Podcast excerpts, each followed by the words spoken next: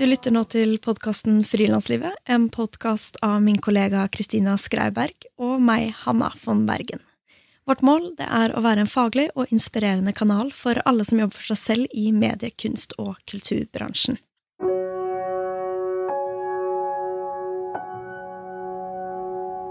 Ukens annonsør er regnskapsprogrammet Fiken. Jeg har brukt fiken i mange år nå, lenge før denne podkasten. Og grunnen til at jeg liker fiken, er at jeg kan eh, gå inn i nettleseren og så logge meg på, og så kan jeg trykke 'jeg har solgt noe' eller 'jeg har kjøpt noe'. Jeg kan også skanne kvitteringer med en app som sender de direkte inn i programmet, og hjelper meg med hvordan jeg skal utgiftsføre det, hvilke konto jeg skal skrive det på. Det er enkelt, og det er deilig. Så takk, fiken. Du kan prøve gratis i 30 dager på fiken.no. Og i dag så skal Hanna og jeg snakke om det å videreutvikle egne prosjekter. Det å sette i gang med egne prosjekter og starte noe, det er jo én ting, og det har vi snakket om i en tidligere episode, men det å ta det til det neste nivået, og bygge noe større og gjøre det til noe du kan ja, tjene penger på og holde på i lang tid fremover, det er en helt annen sak. Og det er litt her vi er nå med denne podkasten. Ved et form for veiskille, eh, hvor vi har lyst til å tenke litt større, eh, nå nye mål, tenke langsiktig, og vi merker at vi begynner å tenke mer og mer strategisk. Og det er veldig gøy, men det er også vanskelig. Og derfor skal vi lage denne episoden. Hei, hei. Og vi håper jo at flere kan ha nytte av det her. For jeg tror jo det der å starte noe, man liksom setter i gang med masse energi og eh, lyst og ja, er innmari gøy, men eh, så kommer man kanskje til et sted hvor man tenker ok, det var gøy, skal vi gi oss nå, eller skal vi satse på det her? Det er jo kanskje litt der vi var for et halvt års tid siden. Mm, Eller hva? Ja. Absolutt. Og vi har lagd en tidligere episode som egentlig tar for seg det å starte opp et prosjekt. Altså få det fra idé til, eh, til å bli noe. Til å få det ut i verden. Uh, og denne episoden er litt steget etter man har lagd det. Det ruller og går. Og hvordan får du det større. Del to, altså. Mm. Mm. Så vi er på et slags sånn 2-0 av prosjektet. Så uh, det første man kan stille seg, er jo sånn når og hvorfor bør man ta et steg om å ja, prøve å gro litt muskler i prosjektet sitt? Når, når skjer det her? Altså for min del så skjer det vel når jeg kjenner at jeg ikke er fornøyd med status quo, at jeg vil noe annet enn det som allerede er. Eh, og det kan enten være å bare legge den død, at man bare ja, liksom, nå gir det meg ikke så mye lenger, kanskje jeg bare skal Det var kult, det var fint, eh, avslutte det kapittelet og gå videre til noe annet. Eller at man kjenner at eh, jo, det er fortsatt masse her, men eh, vi må få noe mer ut av det for at det fortsatt skal være gøy og givende. Og det kan jo være alt fra altså at eh, jeg drives jo veldig av å sette mål. Jeg føler at det å sette meg mål er å handler jo egentlig om å tørre å drømme litt, og så finne ut hvordan man skal nå den drømmen. Eh, men det kan jo også handle om at man trenger å tjene mer penger på et prosjekt, fordi man bruker veldig mye tid på det, som er ganske greit i starten, for da er man man er komfortabel med at man investerer mye tid, men på et eller annet tidspunkt så må de penga også komme inn. Eller at man bare trenger å lære nye ting i det prosjektet. At, det han, altså at man trenger å videreutvikle seg. Og altså for frilanslivet så tenker jeg at det er alt det der, men det er også en følelse at vi skaper noe som vi eh, tror og håper kan ha verdi for eh, folk som oss, da, som jobber i denne bransjen, eller disse bransjene, eh, og at da er det litt synd hvis ikke flere får nytte av den kunnskapen. Altså vi legger så mye arbeid i noe som da kunne vært til glede for enda flere. Og sånn tror jeg mange har det med prosjektene sine, at de tenker at ok, jeg må nå et større Eller det hadde vært kult å nå et større publikum med det jeg lager. Og det er jo litt det vi jobber med nå, å egentlig nå et større publikum som henger sammen med at når vi flere, så tjener vi også, eller potensielt tjener vi også mer penger på å lage det her, da. Mm. Og det er sånn i tråd med det vi vil. Altså det er det som gir oss mening i dette prosjektet. Å bidra med kunnskap og inspirasjon og ja, være Altså skape verdi for andre mennesker. Og hvis Mm. vi bare gjør det for Jo, 2000 mennesker er fint. 2000-3000 hver episode. Men det hadde jo vært fett om Her kommer jeg inn og sier 50 000 hver episode. Jeg sier 5000. Og Hanna sier fem. Litt sånn forskjellige mål. Ja. Så det er, jeg syns også det handler veldig mye om en følelse eh, av at man, man vil ut av den eksisterende ramma som man har satt. Og vi har jo satt veldig sånn ok, vi jobber hver torsdag, bruker kanskje noen timer ekstra, eh, en episode i uka, og det ruller og går. Og så på en måte er det en følelse av ah, men det her kan bli noe mer hvis vi endrer eh, hva vi bruker tid på, da. Eh, så jeg også, for meg handler det veldig mye om den følelsen som kommer først, og det ambisjonsnivået. Og der er det veldig viktig at man er på samme side. At du og jeg eh, snakker sammen og har lik ambisjon, selv om den kan være ulike tall, så er det noe med at det er et ønske om å vokse større. Jeg tenker Hvis man jobber i et team, så er det utrolig viktig med den forventningsavklaringen. For det er veldig vanskelig å eh, bygge et prosjekt videre og oppnå en slags sånn 2-0 hvis resten av gjengen er helt fornøyd med der man er. Og det, ja, det må jo være supervanskelig. Eh, og der er jo vi bare egentlig heldige, fordi du eller jeg kunne jo ha fått inn et eller annet annet eh, prosjekt som konkurrerte veldig med frilanslivet, eh, som eh, vi ja, liksom hadde hatt lyst til å bruke enda mer tid på, eller ja, eller bare ja, at man vil forskjellige ting, og da er det jo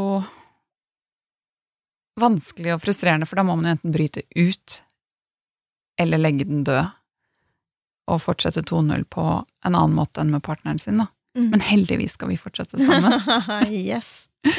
Så det handler litt om følelser, det handler om tid, penger og verdiskapning. Og når man på en måte har etablert at ok, det her prosjektet det har rulla godt, vi har lyst til å ta det til en ny fase, eh, så er jo også et viktig spørsmål å stille seg hva er målet? Hva er visjonen, eller hvorfor måte, hva, ja, hva ønsker vi å oppnå ved å putte i mer ressurser og endre strategi? Eh, For ellers så kan man jo brått gå i ulike retninger. Og vi satte oss jo ned i Det var i januar i år. Nå er vi eh, 2020. Og um, brukte noen dager på egentlig bare eh, tegne ut eh, sånn mindmaps med ting vi har lyst til, ting vi Altså personlig utvikling i prosjektet, eh, hårete mål, hva du har lyst til, hva jeg har lyst til. Eh, hvordan vi kan få inn bedre penger, hva kan være diverse sånn spin-off-prosjekter ut ifra frilanslivet. Og det, det var jo noen sånne fine, fine dager hvor man Og det tenker jeg er veldig viktig å ta seg noen steg tilbake, hvor man stopper opp og bruker tid på eh, å tenke på hva, hva er det jeg egentlig vil? Fordi eh, prosjekter og jobber og hverdag ruller så lett eh, av gårde, og det er jo helt topp at man har fått noe til å rulle. Men hvis man er ved det der veiskillet og eh, stoppe opp og jobbe mer med det, der, det indre livet i en selv og bedriften. Eh, for mange ganger må man stoppe opp for å i det hele tatt kunne hoppe ganske mange steg fremover igjen etterpå. Mm. Og derfor tok jo vi en pause fra å publisere episoder i det var vel nesten fire måneder. Så man kan tenke at man kanskje risikerer noe ved å stoppe opp. Uavhengig av hva man driver med, så kan det føles ut som en stor risiko. Mister jeg lesere, følgere, eh, mister jeg liksom synligheten min? Men jeg har en sånn sterk tro på at jo, men du er nødt til å gjøre det for å klare å løfte det videre, og at du noen ganger må ta de pausene, og i det lange løp så vinner du på å gjøre det, da. Og for oss var det viktig da å jobbe med strategi. Og strategi høres innmari sånn tørt og businessaktig ut, men det handler om å drømme. Yes. Og så legge en konkret plan for hvordan nå de drømmene.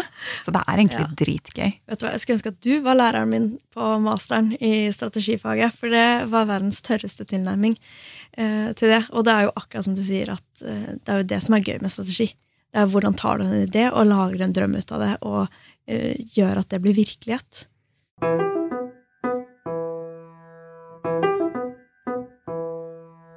Det er veldig fort gjort å la seg forføre av eh, der det er penger.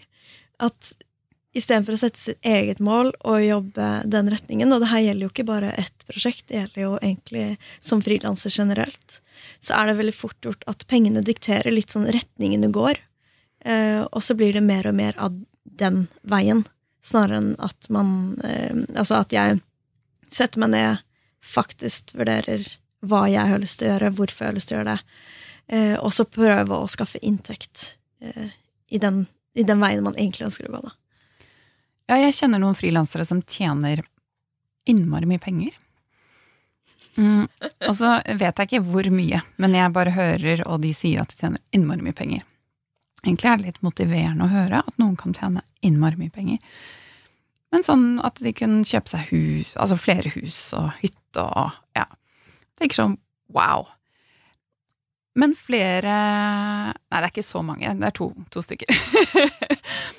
alle Kristinas venner? Ja, alle. Nei, å, heldigvis ikke. Men så hører jeg dem snakke om at de ikke gjør det de egentlig vil. Mm. de Men de har ikke tid til å ta tak i det de egentlig vil. Da tenker jeg det handler jo ikke om at du ikke har tid, det handler om at du fortsetter å prioritere de jobbene du alltid tar, fordi de kommer, og det er lett, og det er masse penger. Mm. Så ja, ikke alltid liksom la penga råde, hvis du er så heldig å bare ha så mye penger, da. Mm. Noen ganger må man jo det, men å ja, kjenne på liksom hvilken retning er det jeg faktisk vil gå, og hvilken, hvilken retning vil vi, da, i denne sammenhengen, ta dette prosjektet her. Når vi satte oss ned da, og skulle jobbe med strategien og mål og visjon og alt det her, så er det jo litt vanskelig å vite hvordan, eh, hvordan gå frem. Det fins jo ganske mye verktøy der ute. Eh, men vi tok rett og slett og egentlig bare snakke om alle delene av prosjektet. Og det her er litt lettere når det er et litt sånn begrensa prosjekt. Og da snakker vi om eh, hva syns vi ikke fungerer, og hva syns vi fungerer. Og blant annet på den lista så var jo det med å på en måte få tilgang til lydtett studio. Det var jo én eh, ting som var liksom på ønskelista. Og så prøvde vi å kartlegge hvilke områder er det vi egentlig ønsker å løfte. Fordi man kan snakke om innholdet, man kan snakke om markedsføring, man kan snakke om ja, økonomien i det, eh, Eh, og på en måte samarbeidspartnere. Det fins jo masse ulike områder av et prosjekt. Og skal man inn og jobbe med absolutt alt, eller er det noe som virkelig vil løfte prosjektet? En viktig ting som jeg syns når man snakker om mål, er at uh, det er forskjell på litt sånn følelsesmål versus konkrete tall. Man blir ofte lært at uh, mål skal være liksom målbare. Eksempel et visst antall følgere på Instagram, eller et visst antall lyttere, eller ja, eh, lande den samarbeidspartneren. Men det er utrolig viktig, eh, og vi har hatt veldig mye glede av å snakke om følelsene i det. Hvorfor gjør vi det her? Hva gjør at det er gøy? Hvordan kan det være enda morsommere? Eh, hva, når føler vi liksom at det bobler da, litt inni oss eh, med det her prosjektet? Og de spørsmålene gjør at man kan lete seg fram til hva man burde gjøre mer av. Smart sagt, Hanna. Tusen takk. Men de konkrete målene om ok, vi vil gjerne ha 50 000 lyttere, og eh, istedenfor eh, noen tusen Det Altså, jeg kjenner jo at det er jo følelsene i prosjektet som, som driver meg i det daglige. At jeg digger å jobbe med deg, at jeg elsker de samtalene, syns at vi får brukt mange sider av oss selv i dette prosjektet. Eh, men det betyr faktisk noe at det er At det er verdiskapende for andre. At andre har lyst til å høre Hæ, på det. det noe? jo, men man kan lett tenke litt sånn eh, hvor, Hvorfor skal man sette sånne mål? Altså, hvorfor skal man være ytre styrt, da? Men samtidig er det viktig å ha en sånn balanse mellom å være ytre og indre styrt. For hvis man ikke setter seg sånne konkrete lån eh, Lån Lån trenger vi heldigvis ikke. Eller jo, kanskje. Eh, nei, hvis man ikke setter seg konkrete mål, så Nei, jeg vet ikke hva jeg skulle frem til. Nei, men, At det er lettere å bare se sånn Når vi de målene, og vil vi det samme? Og hva, hva vil vi egentlig ha her? Når er vi fornøyd, og mm. ja. Og jeg tror på, eh, Når det gjelder verdiskapningen, så fins det mange måter å se på det også. Eh, en måte å måle verdiskapning er jo i antall eh, lyttere, følgere, publikum etc. En annen måte er jo relasjonen vi har til vårt publikum. Hvor ofte kommenterer folk, eh, gir oss tilbakemelding. En, en, en tilbakemelding som virkelig har skapt stor verdi, kan jo være veldig mye viktigere for å drive prosjektet enn det Altså En hundre nonsjalante lyttere? Ja, eller liksom ja. som man ikke forholder seg til, da. Men nå må vi huske at vi snakker til en person der ute som hører på oss, eller mange personer. Så det er faktisk deg som hører nå vi snakker om, og som vi bryr oss om at eh, får noe ut av det vi lager. Og nå kommer nesten en liten appell, eh, fordi vi trenger i dette arbeidet her hjelp til å kunne spre dette til flere. Um, og den hjelpen, eller den tjenesten dere kan gjøre, er bare det å nevne podkasten til en venn hvis du liker den. Det betyr utrolig mye for oss. For vi merker jo at det er en vanskelig fase å gå fra å være eksponert for et publikum som er de som eh, snublet over det, eh, så det på Instagram, er våre venner, venner av venner, eh, som på en måte egentlig Vi er fortsatt der, da, i egentlig vår nære Eller vårt utvidede nettverk. Først vårt nære, og så vårt utvidede. Og det er jo sånn Når man skal definere markedet sitt, så er det en sånn graf som er sånn Your early market, og så er det en eh, som en slags sånn vollgrav. Altså du kan liksom havne ned i en sånn kjempestor, eh, dyp eh, Hva heter det? Mellom to fjell. Suse ned i en fjord og dø. Eller du kan klare å hoppe galant over det og nå det store markedet. Og vi står liksom på tuppen nå av den derre store eh, kløfta ja, graven fjellet, og skal se om vi kommer til å dette ned med et hyl, eller om vi klarer å hoppe over og nå flere mennesker, da. Mm. Og jeg vil bare legge til at det er veldig mange startups. Jeg tror vel det er noe sånn, jeg burde hatt et tall nå, men de fleste som starter opp, de er i den der early market-fasen, og så detter de ned den der fjellveggen og stuper ned i fjorden. Og de fleste når ikke, kommer seg ikke over, da, og når ikke det store markedet. Mm. Det er målet mitt, da. Mitt og ditt. Også. Ja, ja, ja. Selv om du bare vil ha noen 5000 lyttere. Ikke sånn på evig tid, altså. Nei, nei, i år, ja. Mm. ja. Mm. mm. Og så er det jo skummelt også å si et tall høyt. Fordi da blir det plutselig en eh, At man feiler hvis, eh, hvis ikke vi når 5000, så har vi liksom mislykka. Eller det er det som er skummelt med å sette mål òg. Og det er det som er skummelt med å også sette veldig høye mål. Eh, men hvis man setter bare mål som er sånn kjempelett å gjennomføre, så, så faller jo litt av poenget bort med å kunne strebe etter noe. Og det tror jeg eh, folk kjenner seg, kjenner seg, igjen i alle situasjoner i livet. Altså at hvis man ønsker seg en kjæreste, så er det liksom litt skummelt å begynne å visualisere og tenke på det og drømme om det og si det høyt.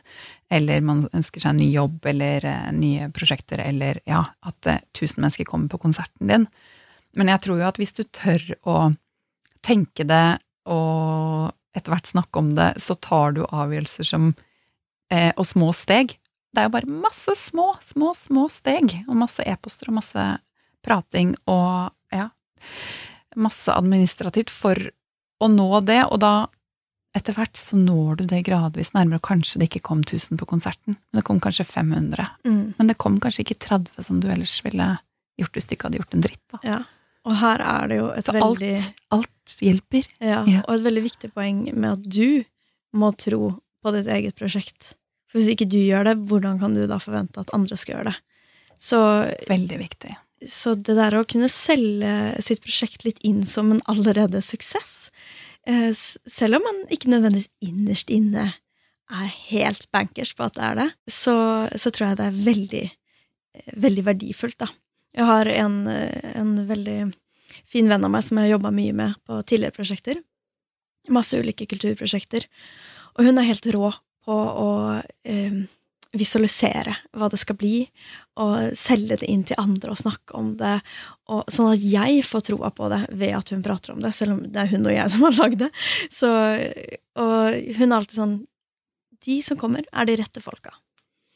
Så kult. Ja, og det er noe man virkelig kan lære av, av den måten å tenke på. Og ikke hele, for det er så lett å mate de her usikre tankene. Eh, så hvis man klarer å snu litt på det og fokusere på ja, eh, hvorfor det her er så rått, og eh, selvfølgelig skal vi liksom nå disse høydene, da, da blir man jo mye mer gira også. Og jeg tror ikke vi to er helt på bærtur når det kommer til det. Men samtidig, dette har vi snakket om, at hvis noen eh, kommer bort til oss og bare altså Man møter dem på gaten eller hvor som helst, som bare 'Å, så gøy med podkasten, og at dere har fått støtte', eller at eh, 'det ser ut som det går kjempebra, og jeg følger, dere, følger med dere, og så kult', eh, et eller annet. Jo, jo, jo, eh, tusen takk. Jo, det går bra. Vi er ofte sånn. Hvor vi kjenner andre som har lignende prosjekter, som er mer sånn Ja, ja, ja, jo takk, det går dritbra, og nå skal jeg gjøre det og det, og. Så eh, jeg kan få litt eh, aversjon mot for mye eh, bragging, hva heter det? Eh, skryting. skryting. Men man kan kanskje ta med seg noe av det der hvor man liksom står for prosjektet sitt. da. Mm. Stolt, men ydmyk. Ja, stolt og ydmyk. Hvordan klarer man det? Den balansen der? Stolt og ydmyk. Jo, men det er vel litt ja. å innse at eh, alt det som skjer, skjer ikke bare på grunn av på måte, deg og meg.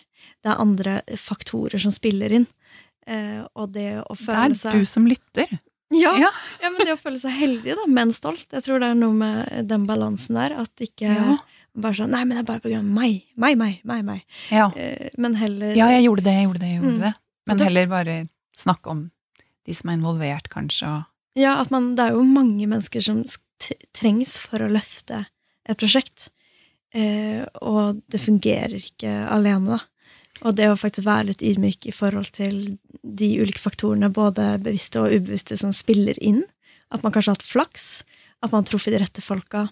De tingene er viktig, i tillegg til at man tar eierskap eh, og føler stolthet, fordi eh, jeg er jo superstolt av den innsatsen du og jeg har lagt ned. Du er stolt av meg? Jeg er stolt ja. av deg, Kristine. ja, for neste gang noen kommer og kommenterer sånn 'Å, gratulerer', eller 'Å, det går så bra', skal jeg si sånn Ja, ja, ja, Hanna er superflink! Altså, Hanna er så god på det, ene og det andre. Vi kan ja. bare skryte av hverandre. Der har jeg løsningen. Mm. Men det jeg har tenkt på en del ganger, er at um, man skal også være ganske sånn Dette har jeg lyst til å få til, så da kontakter jeg den, og så sier jeg det. Uh, og så spør jeg om det, og så foreslår vi dette, og kanskje dette kunne vært gøy. Så man skal være ganske um, ha få sperrer på å tenke at ja, selvsagt kan det gå. Og det er jeg veldig takknemlig for at uh, du også har fått sperrer på. At ingen av oss syns det er noe rart å henvende oss hit eller dit, eller tenke ja ja, seff, skal vi gjøre det? Uh, for det tror jeg jo Eller sånne sperrer er veldig vanlig. Mm, det er det. Og så er det liksom det verste man kan få, er et nei. Og det er veldig sånn klisjé å si, men det er jo faktisk bare det. Ja. Og, da, og det, vi har fått masse nei. Men, altså, man får jo 80 nei. Og så er det bare å kjøre på videre. Ja. Mm. Ikke tenk på det. nei, det driter jeg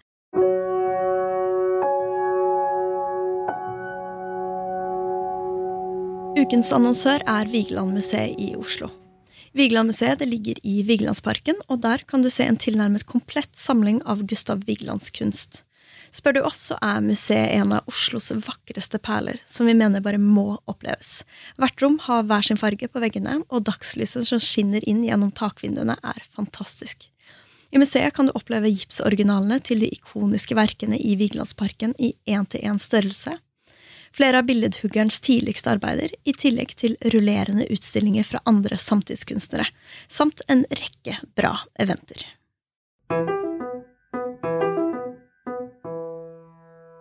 For nå kommer vi jo til Nå har vi snakket veldig mye om sånn, hvordan, hvordan føle rundt det å skulle løfte noe og definere mål og liksom se framover. Eh, men så er jo vi nå i fasen hvor vi faktisk skal utføre strategien vi har satt. Um, og det er jo ikke sånn at vi har satt oss ned og skrevet liksom en forretningsplan, eller, men vi har mer satt noen mål og diskutert uh, hvilke nye grep da, vi ja, for nå, nå, tenker jeg at en del kan tenke sånn eh, ny strategi, hvordan, hvordan har dere laget den? Um, og vi har jo Ja, det er ikke som at nå har vi strategimøter og skriver businessplan, men vi har jo søkt en del støtte denne våren. Og vi har fått midler fra eh, Kulturrådet sin eh, pott som heter Næringsutvikling. Wow, wow, wow, som gjør at vi kan bruke Skal jeg si hvor mye? Ja, det er helt ja, offentlig. Kjør på. 300 000 kroner i løpet av det neste eh, Altså et helt år på å bare bygge og forretningsutvikle dette prosjektet. Som er helt fantastisk. Mm. Men vi så jo denne utlysningen eh, da vi var ved et sånt sted hvor vi Altså, før vi så den, så hadde vi allerede satt oss ned og begynt å tenke hvor, hvor går veien videre? Vi trenger å få flere inn i prosjektet, eller delegere ut mer, eller bruke mer tid på det, eller ta noen nye grep. Og da vi skulle skrive søknaden til det her, så hadde vi allerede startet prosessen, men der måtte man skrive veldig konkret hva vi trenger, og hvorfor vi trenger det, og hvilke grep vi har tenkt å ta for å nå nye mål. Og det ble jo en form for sånn å skrive en slags eh, businessplan eller en strategiplan som egentlig er utrolig nyttig. Det tok sjukt mye tid, men nå vet vi ok, det neste året så skal vi bruke de 300 000. De går ikke til oss, ikke til å lage nye episoder, ikke til drift eller produsere innhold, men til helt sånn eh, ja, konkrete regninger, holdt jeg på å si. Nei, utgifter knyttet til det å nå et større publikum, eh, få en bedre visuell profil, en bedre hjemmeside, alt sånt man trenger for å ruste bedriften sin, da. Mm. Og det er veldig gøy å få litt drahjelp i det å bygge muskler. Det er prosjekt, For det er utrolig vanskelig å bare fortsette som man har gjort, og tenke at det automatisk vil gjøre at man vokser seg større. Ja, fordi du trenger jo enten massevis av tid, eller eh, massevis av folk, eh, som egentlig er det samme som tid, eller eh, penger for å i det hele tatt kunne løfte et prosjekt til et nytt mm. nivå. Mm. Vi tenkte at vi skulle nevne et uh, verktøy som er veldig uh, Hva skal vi Nyttig? Ja, nyttig. Takk. I det å jobbe med strategi. Uh, fordi det kan være litt sånn fluffy. Men det er noe som heter Business Model Canvas. Det kommer vi til å legge ut på Instagramen vår, friluftslivet. Og det er rett og slett en tegning over din, eh, ditt prosjekt eller din bedrift. Du kan på en måte velge hva du vil bruke det til. Og i de ulike rutene så har du de ulike delene av prosjektet. I den midterste ruten så er det eh, verdiskapningen. Det er det du lager. Hvilken verdi skaper du? Og så har du på en måte kunderelasjonen, du har hvilke partnere, hovedaktiviteter, du har inntekter og utgifter, så du har ulike bokser da, som man kan lettere tegne og notere hva man gjør, og hvor man vil. Eh, som lager en slags sånn fin ramme for å evaluere egentlig ditt prosjekt. Og her har vi også satt oss ned og snakka om de ulike bitene. På innholdet så er det sånn, ok, hva skal vi faktisk gjøre i innholdet i podkasten? Er det noe nytt vi skal gjøre der. Eh, og kunderelasjonen. Skal vi inn på en ny plattform? Skal vi poste oftere? På en måte, Hvilke type ting skal vi poste? Hvilken type relasjon har vi med våre følgere? Og er det noen nye aktiviteter som vi skal inn med? Og her har vi snakka om masse ting. Og en veldig viktig del av um, både det vi søkte Kulturrådet om, og det vi har satt i kraft, som har nå eh, akkurat blitt publisert, er en ny visuell identitet. Um, og det handler jo egentlig litt om, om, relasjonen, for det handler om hvilke førsteinntrykk får uh, du som lytter av vår podkast, hvis du ser et bilde, hvis du ser oss på Instagram. Hvordan, ja, hvordan møter vi deg, da? Og henger det sammen med det du opplever når du lytter?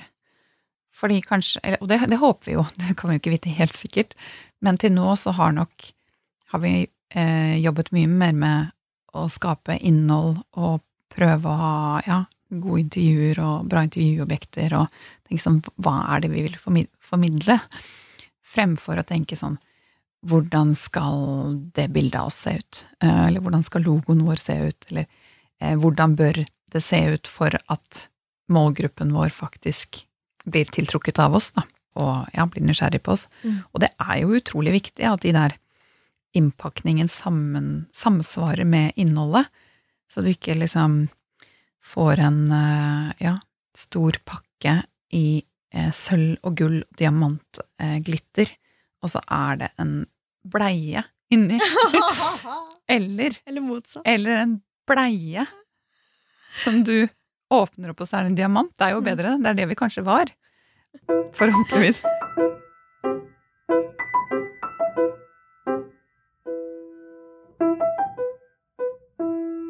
Jeg vil bare nevne at dette her tar sjukt mye tid å sitte sånn Uh, som vi gjør nå. Nei da, det også. Nei, men å, å være så eh, bedriftsransakende, si selvransakende, men på vegne av det du driver med. Eh, og det er jo nettopp derfor vi tok denne pausen, men vi satt jo også der og tenkte sånn Åh, hvordan skal vi liksom klare det her? Altså, det føles som et sånn kjempestort fjell å bestige når du står ned på bunnen der. Og så igjen så er det bare disse små stegene, å bare ta ett steg om gangen i den retningen du har tenkt å gå, uten å tenke så mye på hvordan eh, skal det gå, vil jeg klare det? Eh, altså så lenge du har satt ut veien du vil gå, og bare begynne sakte, men sikkert å gå den. Og det tar lang tid, men eh, man må bare begynne å gå. Det er mange bilder her. Mm, det er fint, det. Ja. Og Kristina, du har et veldig godt eksempel på Fordi mye av det her handler jo også om penger, i forhold til at uh, som frilanser så er det jo Ting tar tid. eh, hvis man ikke skal jobbe mer enn 100% som man egentlig ikke burde trenge. Eh, det må jo være et mål i seg selv å kunne på en måte ha en bærekraftig frilans, eh, et frilansliv som gir deg nok inntekt da, til, å, til ja, feriepenger, sykepenger, lønn, alt det her. Så, så må man jo også inn og tenke penger i prosjektene sine. Og gjerne, ikke, og gjerne hvordan får vi inn inntekter i, i prosjektet, men som ikke går på kompromiss med den retningen vi ønsker å ta. Inn i prosjekter som du uansett vil drive med. Mm. Og her har jo du hatt et prosjekt som du har vært jobba med det her på en veldig god måte. Ja, ehm, ja jeg, jo, jeg jobbet i mange år med et dokumentarprosjekt som heter Hei nabo. Kort oppsummert, jeg banket på alle mine hundre naboer sine dører og inviterte meg selv på besøk, som ble en bok og en utstilling med 20 utvalgte naboer som var med, da. Eh, hvor jeg tok portrett og bilde av dem eh, på akkurat samme sted, hvert sted i, eller i leiligheten sin, og en kort historie om hver. Det var kort om det, men dette her, den dokumentasjonen holdt jeg på med i seks år, og jeg tror jeg holdt på i hvert fall nesten et år med å lage boken og utstillingen. Kombinert med liksom mammaperm og armer og bein og mye kveldsjobbing. Men veldig mange eh, kunne, eller veldig mange prosjekter stopper der. At bok og en utstilling er jo et helt topp mål. Og jeg var kjempefornøyd. Eh, det ble superfint og ble større enn jeg ja, trodde og håpe på. Men samtidig kjente jeg at nå har jeg investert så mye kraft og tid og penger og ja, i det her, og jeg sitter på en måte Det er jo da, når du har gjort alt det, du sitter og er på en måte en superressurs på akkurat det prosjektet, og har så mye kunnskap om det prosjektet, og du kan, kan jo hende du er lei, og det kan man jo være, men hvis man kjenner at dette prosjektet har jeg lyst til å ha med meg videre, og det hadde jeg, og det handlet jo også om hva prosjektet handlet om, at det handlet om eh, ja, eh, mangfold, eh, bryte ned fordommer, si hei til hverandre, medmenneskelighet, eh, skape gode lokalsamfunn, eller ja, skape en bedre verden, snakke med naboen. Eh, og jeg kjente at jeg har fortsatt lyst til å jobbe med det her, jeg brenner skikkelig for det budskapet. Så er det liksom, man må sitte der og bare tenke sånn, hvis du vil fortsette å jobbe med det, hvordan kan man gjøre det? Og der, dere, foredragsvirksomhet er en gullgruve. Ikke i 2020, Nei. eh, men det hadde jeg tenkt at det skulle være i år òg. Men det å tenke sånn hva, hva kan du som ingen andre kan, og hva har du lagt utrolig mye ressurser ned i, som du kan kap, Hvordan kan du kapitalisere på det? Hvordan kan du ta det med deg videre? Og jeg har holdt kanskje, jeg vet ikke, 30 foredrag om det prosjektet, og solgt da massevis av bøker, eller kanskje 1000 bøker mer enn jeg ellers ville gjort, på disse foredragene, eller til publikum der som jeg har syntes har vært supergøy, men som også har gitt meg en inntektskilde som gjør at dette prosjektet ble vel verdt å gjøre. Og der tror jeg mange som jobber i ja, kunst- og kulturfeltet spesielt, eh, ja, kan sette seg ned og tenke på hva har jeg allerede skapt? Hva, hva kan jeg melke mer enn det jeg gjør i dag? Mm. Og ja, hvordan kan jeg formidle det på andre måter? Hvordan kan jeg ja, jobbe videre med det samme prosjektet, men til et nytt publikum, eller mm. Ja. Men du stilte meg det spørsmålet for et par år siden, tror jeg, hvor du sa hvordan syns du det er å ha en sånn Du kalte det en hale etter deg med prosjekter. At prosjektene liksom fortsetter å leve. Eh, at man ikke bare liksom kutter av den halen. Og jeg har alltid tenkt på det som noe veldig fint. At det er helt topp å ha masse haler som logrer bak mm. meg. det er et fint bilde. Ja, fordi jeg ja. eh, tenker mer at det er en hale som liksom slår deg i trynet, da. som, som, at den der to do-lista aldri ender, da. At du får så mange haler og mange små eh, steg som du skal følge, ting du kan gjøre, nye folk du kan pitche det inn. Og det at man hele tiden holder ting varmt, kan jo også ta fokus og energi. Det kan det. Og det er jo en kjempeutfordring hele tiden når man driver med egne ting, og sånn som dette som vi snakker om nå, del to av å starte et prosjekt, er jo at uh, The possibilities, hva er det? Uh, Mulighetene. mulighetene er uh, endless. Hva heter det? Uendelige. Uendelige. det kan ikke bare bli en engelsk podkast. Yes. Um, There's endless possibilities oh out oh there. God, is there? Yeah. Og da er det vanskelig noen ganger å bare si Vet du hva, nå har jeg gjort nok for i dag. Eh, for det er jo bare du som setter streken for når det er nok. Så ja, å prøve å ha lister som ikke er urealistiske, og være god mot seg selv og ta pauser. For jeg tror du kan brenne deg ut på å brenne for skikkelig bra ting, og det er jo innmari synd.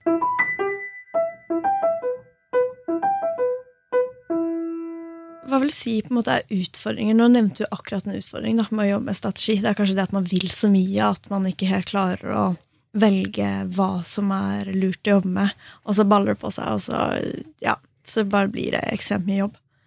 Og eh, en annen ting som vi, eller kanskje en del av samme greie, som vi også snakket med, er hvor begynner vi?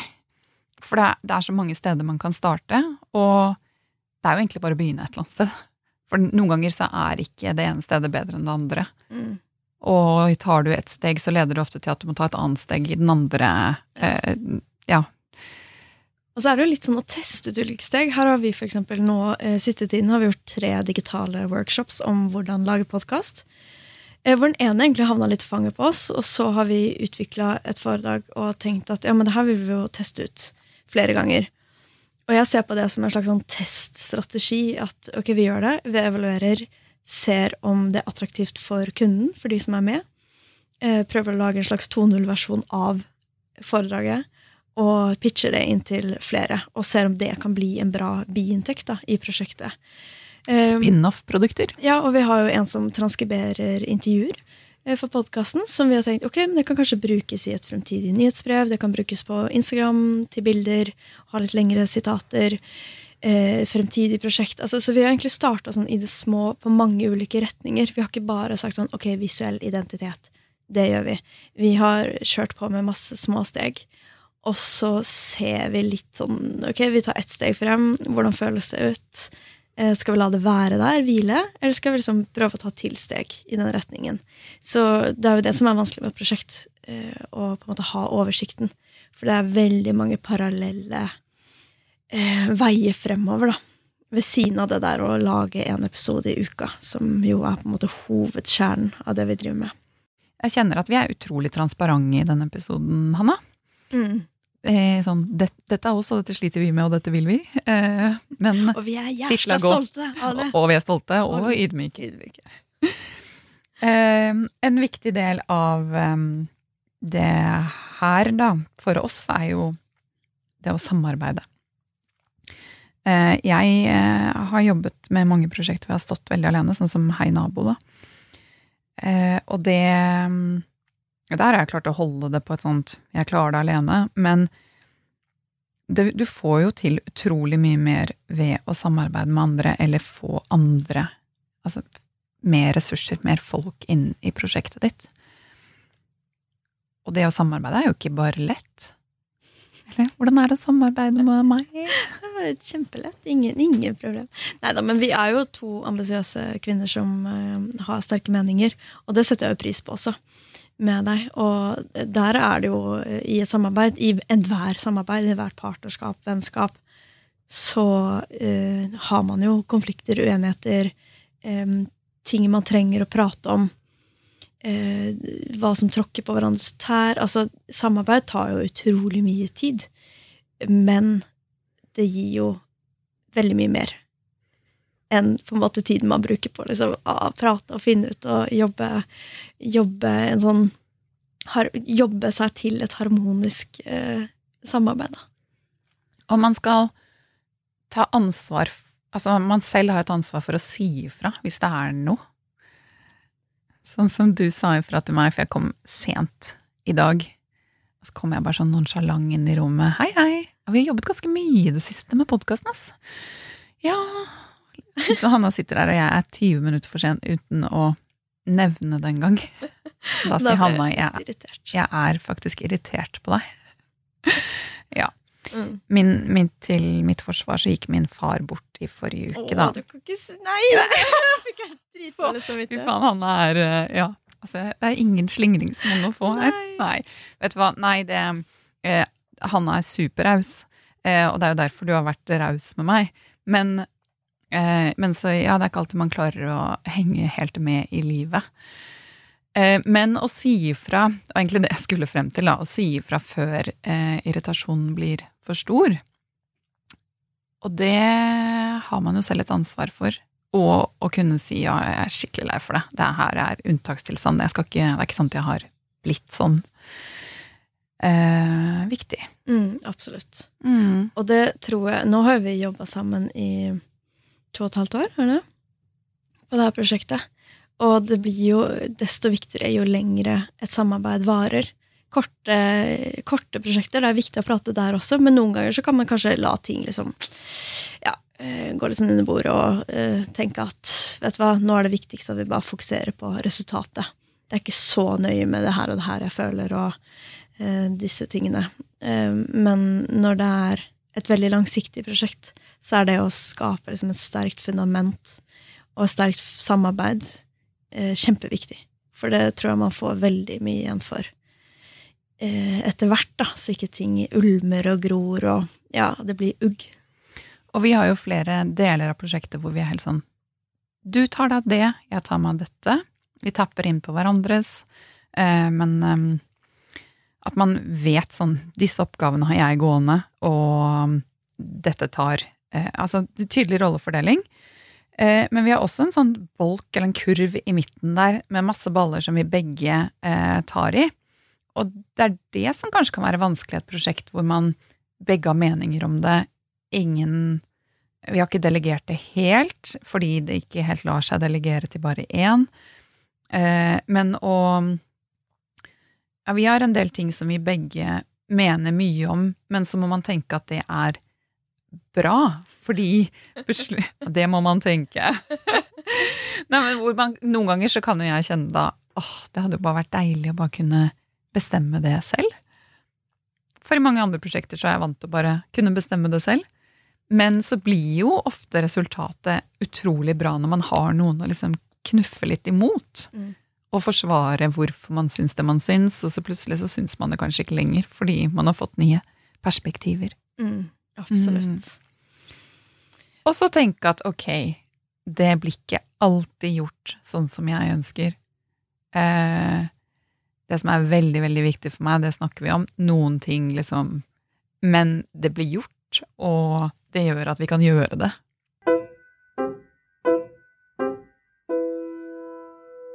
En annen uh, veldig viktig lærdom um, Du nevnte jo i stad at vi har fått 300 000. Og jeg har en venn av meg som sa sånn Oi, shit, det, har dere nok inntekt nå til å leve, leve, på det her resten av året?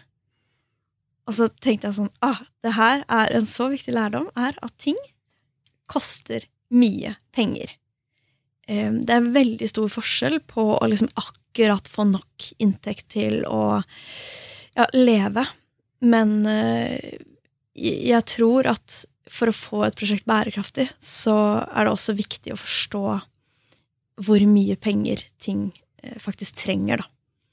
Og forstå at hvis du skal betale andre en decent honorar, som de kan sette av feriepenger og ja, forsikring og person og alt det der man egentlig på en måte skal ja, stålsette seg selv for, da, så eh, blir det fort store budsjetter å tørre å liksom ha et stort budsjett. Eh, det, og da er jo svaret at eh, nei, vi kan ikke leve av det her resten av året. Fordi 300 000 er eh, mye penger og en fantastisk mulighet til å liksom bygge muskler. Men det er Vi kunne Ja. Det er budsjettet til prosjektet er langt større.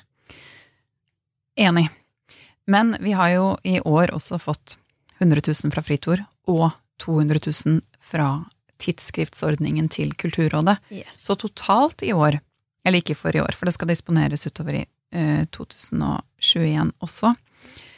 Men eh, dette året, inn på konto, så kommer det da 600 000 totalt. Og det høres vanvittig mye ut for å lage en podkast.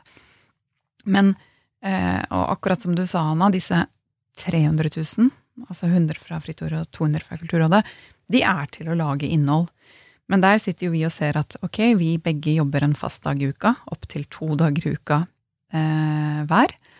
Så selv om vi har fått det inn på konto nå, så skal jo dette disponeres utover et helt år, så det blir på en måte lønnen vår for å lage innhold i et år frem i tid. Og det hadde jo vært veldig dumt altså, å tenke at yes, da har vi lønn i to-tre måneder, men vi har ingen lønn i de neste ti.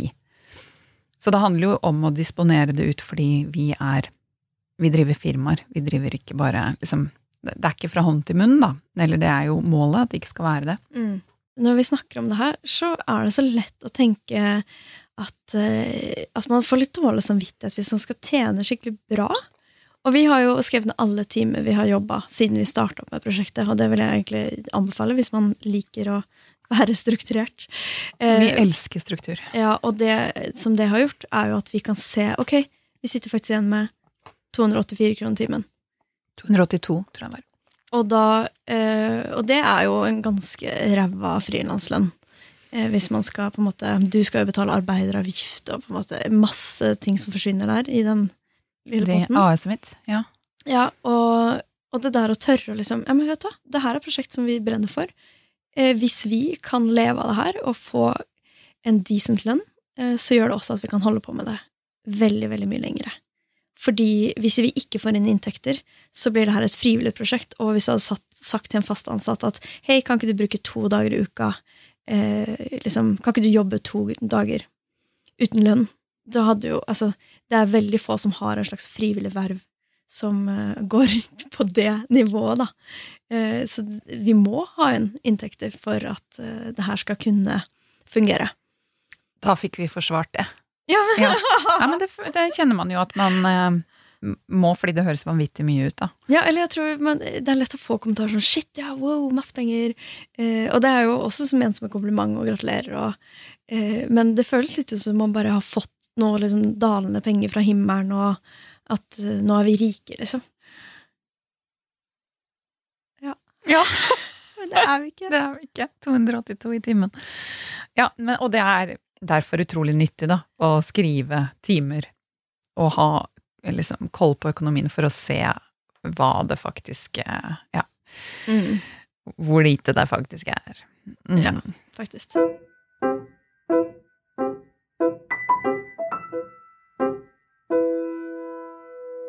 Jeg har jo eh, litt sånn hå hårreisende ambisjoner om eh, lyttere, bare fordi jeg syns det er gøy, da. Um, ja, og jeg blir ofte litt stressa når det blir sånn veldig hårete mål, fordi da tenker jeg at det er et faktisk mål som jeg skal nå, og så blir jeg litt sånn Men klarer vi det, og er det engang mulig? Ja. Nei, jeg er fortsatt med om vi ikke klarer det, altså. ja. Så, eh, men eh, det er jo interessant det der med å måle eh, publikummet ditt, fordi hadde vi hatt et eh, ja, en, et event, da, hvis vi hadde hatt en teaterforestilling som het Frilanslivet, som vi kanskje kan ha en gang, eh, så hadde jo 2000 vært vanvittig mange. Det er, de, det er, det som er vårt average lytterantall på episodene nå. Derfor vi nevner 2000. Det har vært masse mennesker i det lokalet. Og 50 000, hva er det? Spektrum? Hvem Ok, skal vi fylle Spektrum en dag, liksom? Mm. Eh, så det å eh, måle publikummet sitt, det blir så diffust når man kan nå uendelig mange, som man kan når man lager eh, det som vi lager. Eh, men du hadde et sånt interessant eksempel på det der å skape eksklusivitet. Hva var det, Hva var det du ja, sa da? Ja, Og så er det jo litt sånn hvordan strategisk eh, lage en suksess av ditt prosjekt. Ikke vet, snakke sånn om det, sånn som vi har gjort i denne episoden. Ja, eller gjør nå. Mest ydmyke. Men uh, jeg vet at veldig mange musikere foretrekker jo heller å ha en liten venue som man kan stappe med publikum. Snarere enn å gå for et mye større, og så kanskje man selger litt flere billetter totalt sett. Men det er mer glissent. Eh, så når det gjelder fysiske eventer, så er det jo en veldig viktig strategi er jo litt den der hvilken følelse vil du skape i rommet. Og et tettpakka lite rom, når vi ikke snakker korona, pre-korona, eh, er jo kan jo være en veldig mye mer en større suksess. Ditt event ble utsolgt. Og det er kanskje lettere å pitche inn til neste steg og si sånn Hei, du, ny venue. Eh, sist gang så ble vi utsolgte. Kanskje du kan si til publikum eh, Sist gang ble vi utsolgte, så det gjelder å være kjapp om å kjøpe billett. Så det fins masse sånne ting, og det kan jo være litt sånn shady holde på altfor mye med det her, men det er jo mye Folk må også tro på deg og ditt prosjekt for å ville investere, ville bli med, komme. Og følelsen du skaper i rommet, kan jo også faktisk bli mye bedre. Helt klart. Litt det samme som eh, ja, hvis man gir ut en bok og har et lite opplag første gang og sier førsteopplaget ble utsolgt. Nå trykker vi opp igjen. Og det gir jo en følelse av at oi, førsteopplaget mitt ble utsolgt, fremfor at det, det ligger 1500 eksemplarer i kjelleren eller hos forlaget. Mm. Men hvordan skape den etterspørselen eller eh, auraen av suksess når man er eh, kan ha så mange publikum eh, man bare vil? Ja, når det ikke da... fins en begrensning? Hvordan skal vi gjøre det? Det er jo så vanskelig, fordi da står man Det er jo noe som heter Podtoppen hvor, eh, hvor podkaster som blir målt eh, på samme måte, på en måte er med. Det fins jo mange flere podkaster, men de er ikke på en publiseringsplattform som måler antall lyttere på lik måte, og derfor er ikke de med i rangeringen. Og på topp der så er jo noen av de største humorpodkastene i Norge. Og eh, det er veldig vanskelig for oss da, å sammenligne seg med eh, Lørdagsrådet. Fordi de har holdt på mye lenger, har helt annet apparat rundt seg, er en helt annen type podkast. Det er ikke nisjepodkast på samme måte. Så jeg tror at uh, det å sette mål ut fra der man er, og litt sånn ut fra sitt marked, og de man ser rundt seg, da, i samme nisje, eller i samme som driver uavhengig, eller ja, holdt på så og så lenge, det er mye mer gunstig enn å begynne å sammenligne seg med Norges største podkast. Mm. Mm. Og så er det vanskelig Det å skape en suksess handler jo kanskje mer om hvordan man snakker om det. At uh, hvis vi syns 2000 er kjempelite, eller hvis vi syns 2000 er kjempemye, så tror jeg det også setter en slags sånn følelse av hvordan andre opplever det tallet òg. Ja. Men så, hvordan eh, tjene penger på noe som vi lager gratis? Hvordan tjener vi penger? Er, vi ja. får jo støtte som hjelper Da hjelper det jo å vise at vi har en økende etterspørsel, eller lytterskare. Men det tror jeg også mange sitter og kanskje skal lage en YouTube-kanal, eller eh, ja, starte sin egen podkast. Eh, hvor, hvor, kommer penga inn? Annonser, mm. selvfølgelig. Mm. Men det er jo ikke mye når man ikke er svær. Nei, det blir jo litt sånn lappeteppe, da. Litt som, frilan som frilanser har man ofte et lappeteppe av inntekter. Og jeg føler det ofte er det samme i et eh, prosjekt. Kanskje får noen annonser fra Bauer. Vi selger inn egne annonser. Vi søker masse støtte. Eh, vi gjør foredrag. Ja. Og så kanskje vi Mm. får flere inntekter etter hvert. Forhåpentligvis. Forhåpentligvis. Oh yeah. Ja. Hyggelig å prate med deg om dette, Hanna. Likeså. Ja. Håper, vi- håper at dere ikke syns det blir for navlebeskuende. Litt av poenget her er jo å forklare, eller ja, hva skal man si, denne fasen, da. Egentlig snakke om hvordan løfte et prosjekt. Og så er det jo stor fare for at det blir veldig navlebeskuende. Ja, da håper jeg at dere syns det er Ja. interessant. At dere har interesse av å skue opp i vår navle. Yes. Ja. Ha det. Ha det. Ha det. Tusen takk til Fritt Ord for støtte til podkasten Frilanslivet.